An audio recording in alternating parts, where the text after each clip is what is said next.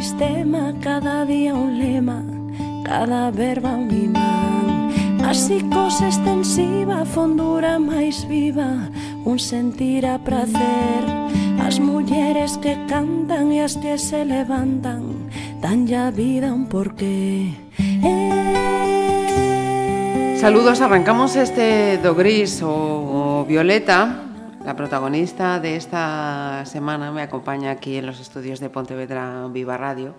Tengo que decir eh, que está estupenda. Ángeles Ramírez, Lita, bienvenida. Gracias, buenos días. Y nos viene modernísima y, y me dice, todo lo que llevo me lo he hecho yo. Es cierto. Porque estamos hablando de una Es mujer cierto. trabajadora en este programa de la memoria de las mujeres de, de Pontevedra. Estamos hablando de un ejemplo de esas eh, mujeres trabajadoras que en este caso la aguja, el hilo, te acompañó prácticamente mío, toda la vida. Además me gusta y yo me, pongo- me, me relaja. Yo me siento en la máquina y me relaja. Ajá.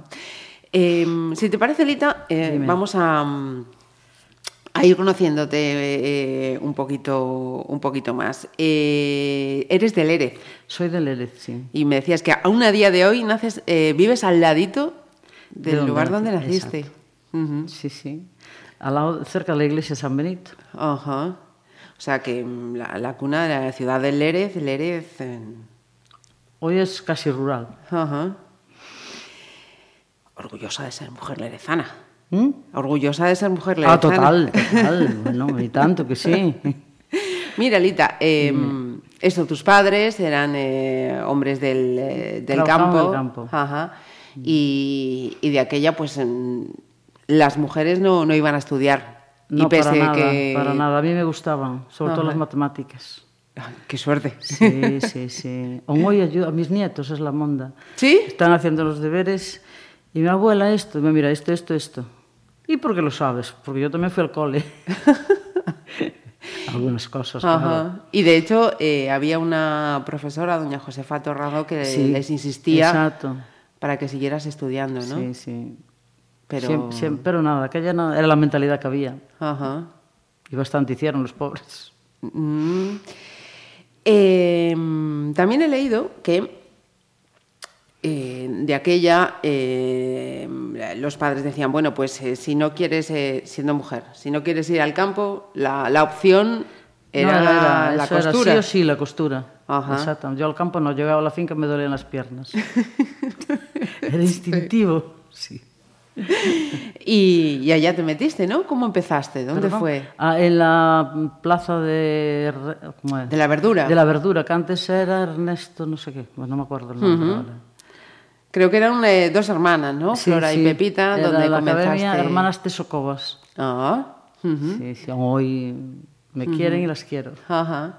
¿Y recuerdas cómo fue aquel primer eh, día en el taller? ¿Cómo fueron Bueno, el aquellos primer primeros día años? sucesivos, ¿vale? empezamos silvanando, Ajá, luego un poco más estaba cosiendo bastas y así poquito a poco. ajá, Hasta hoy, pues mira, desde los 11, 12 hasta los 17 estuve allí. ajá. Porque mm, hoy no, nos imaginamos eso, pues, eh, Lérez, que hay que decir que esta mujer, eh, tela, ¿eh? Porque me dice, vengo andando desde casa. Sí. O sea, eh, estamos en la calle Michelena eh, y se ha venido pase, un paseíto así Total. matinal. Total. Y claro, ahora hay que reconocer, oye, no todos eh, nos damos ese, ese paseíto diario, pero de aquella con 11 años, Lita, Sí, sí. ¿cómo, cómo Venía- hacías? bajábamos a la mañana, subíamos a comer, volvíamos a bajar y volvíamos a la tarde. A la, bueno, tarde-noche. Ujú. Caminando, Andando, claro. sí, sí, sí, sí.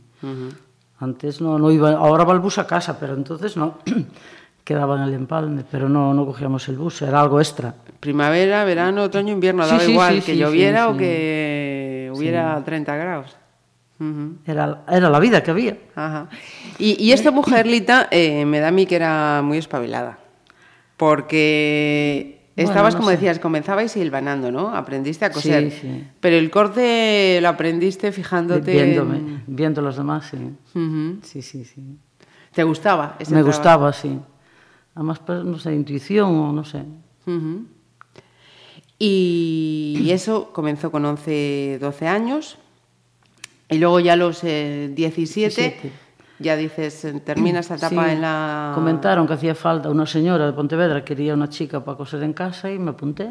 Ajá. Y allí fui desde una, otra y otra. Entonces ya tenía cada día de la semana completo. Esto es, eh, como el dicho, echa fama, o cría fama y échate a dormir. Dijeron, esta chica cose Eh, no muy bien sé, y ahí de boca se a boca, fue, sí, sí, de efectivamente. boca a boca. Ujú.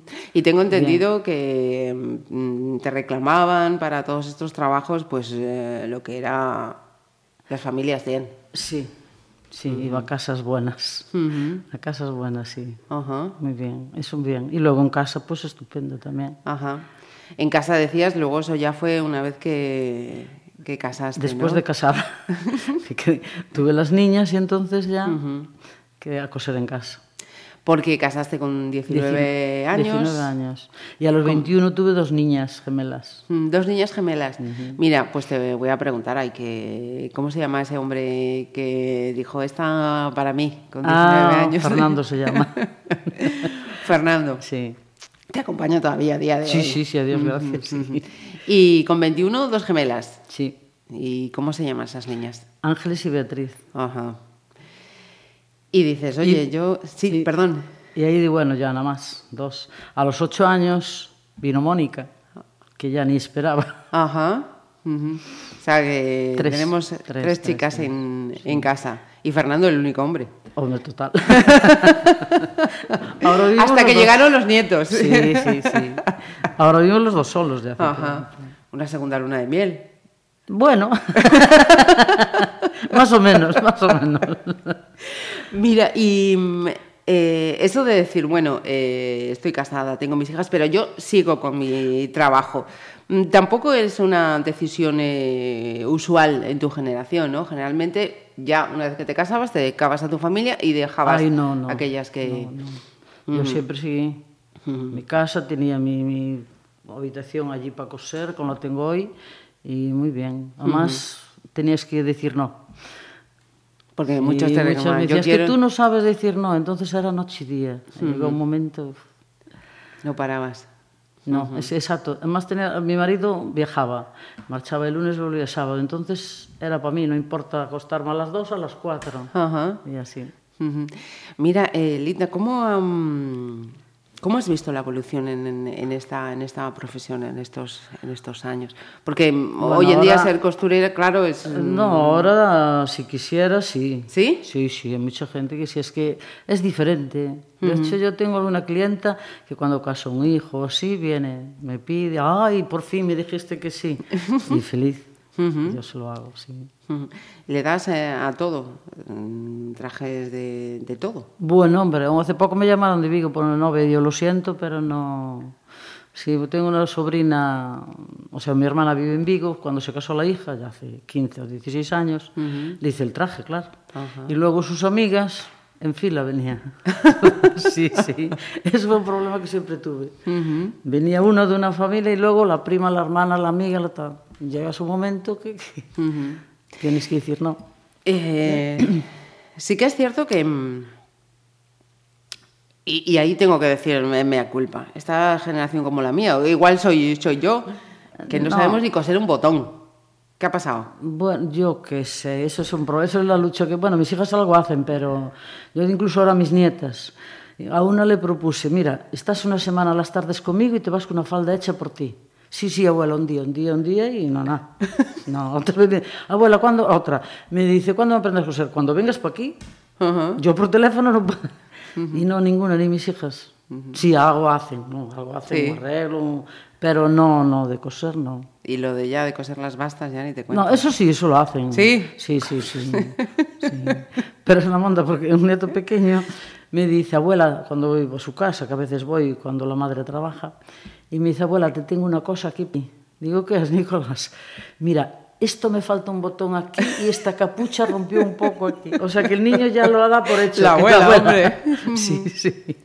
Eh, me decías antes que mm, si por ti fuera eso harías todavía más cosas, Sí. pero llegó esa cosa puñetera que se llama La artrosis. artrosis, tremenda, esto fue tremenda. Ujú. Si no, no... Empezó con la vista ya. Yo no veía tal, pero me operé de cataratas y seguí. Pero luego lo de la artrosis ya era tremendo. Ujú. Y mira, hay que dar paso. Pero aún así tú ahí sigues, ¿eh? Ah, yo sí, sí, sí. Las cosas de casa, de mis hijas, mis nietos y alguna clienta que puntual. Sí, sí. Sí, sí. Porque me contaba antes una anécdota buenísima, Lita, de que estaba viendo tu nieto Nicolás, sí. que estaba viendo un- una revista. El hola de este invierno. Ajá, cuenta, cuenta. La madre lo vio, lo dejó allí a un lado y él puso a verlo. Y se paró en una página y llevaba tiempo y dice, madre, ¿pero qué estás haciendo?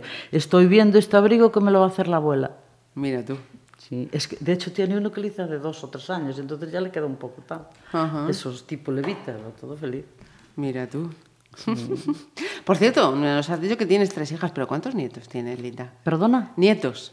Tengo ¿Cuántos? siete. Siete. La mayor 25 y el pequeño 9. Ujú.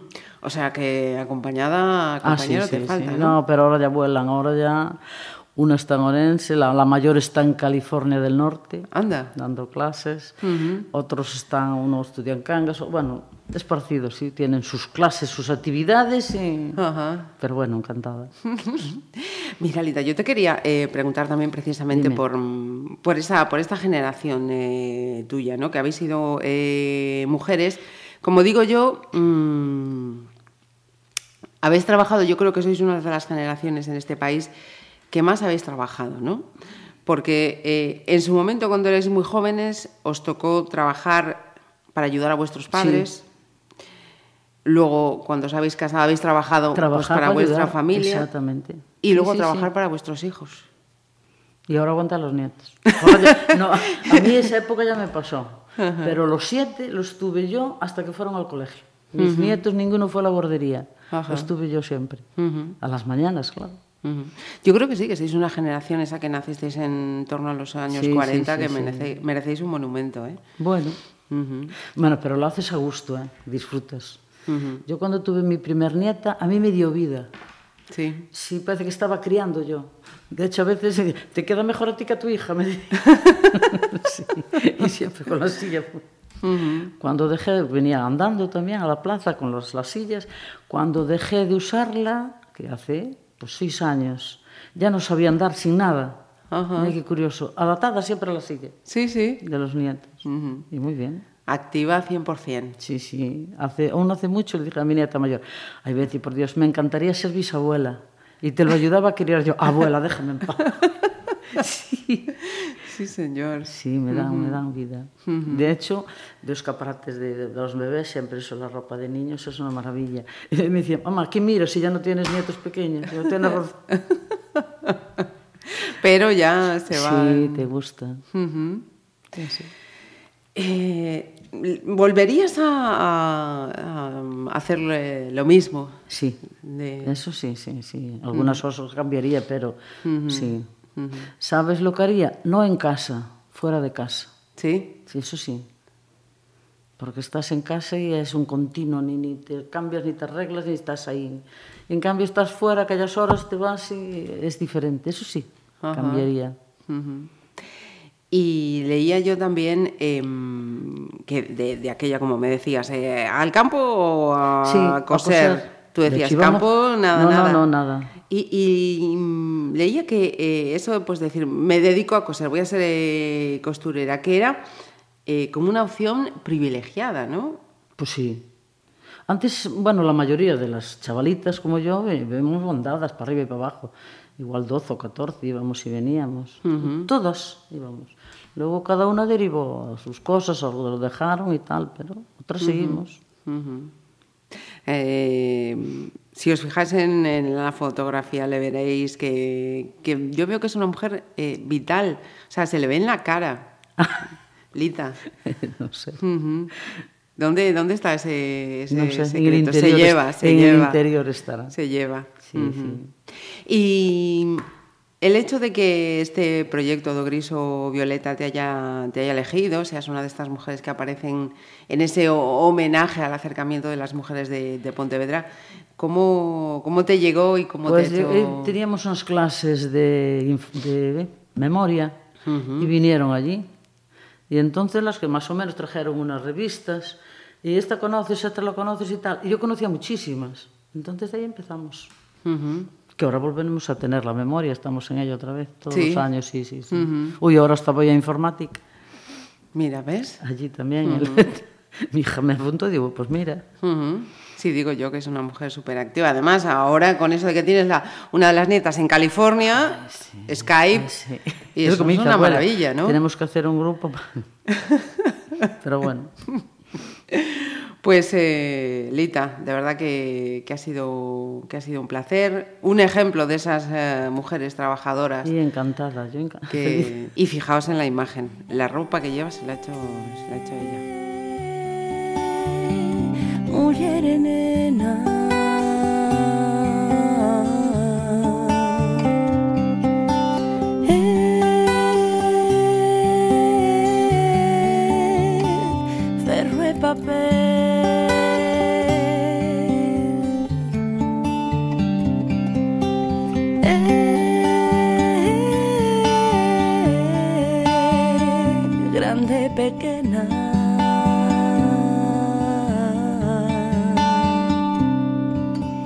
Eh,